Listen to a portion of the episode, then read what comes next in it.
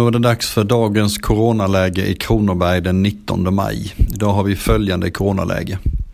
Antalet konstaterade fall är 650, det var 636 igår. Antalet inlagda är 30, det var 31 igår.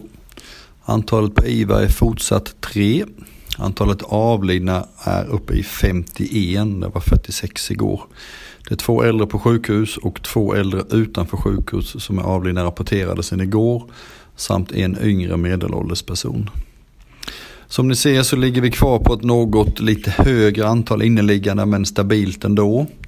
Eh, stabilt och lågt antal IVA-patienter men tyvärr hela fem rapporterat avlidna sista dygnet.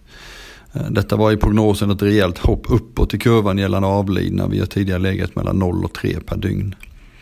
När vi jämför med andra regioner så ligger vi ju högt i antalet avlidna men vi får samtidigt signaler om att vi inte märker likadant. Mäter likadant. Som exempel så rapporterar vi i Kronoberg både de som avlider på sjukhus och de som avlider utanför sjukhus. Medan Region Kalmar enbart rapporterar de som avlider på sjukhus.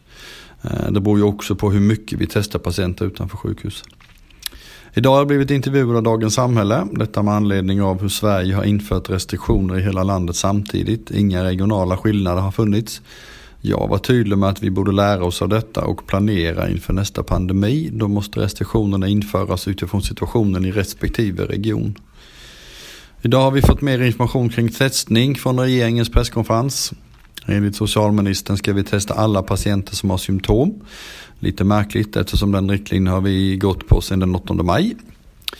Men men, man har också talat om att staten tar kostnaderna för alla i priogrupp 1, 2 och 3. Det vill säga patienter, personal och övriga samhällskritiska yrkesgrupper.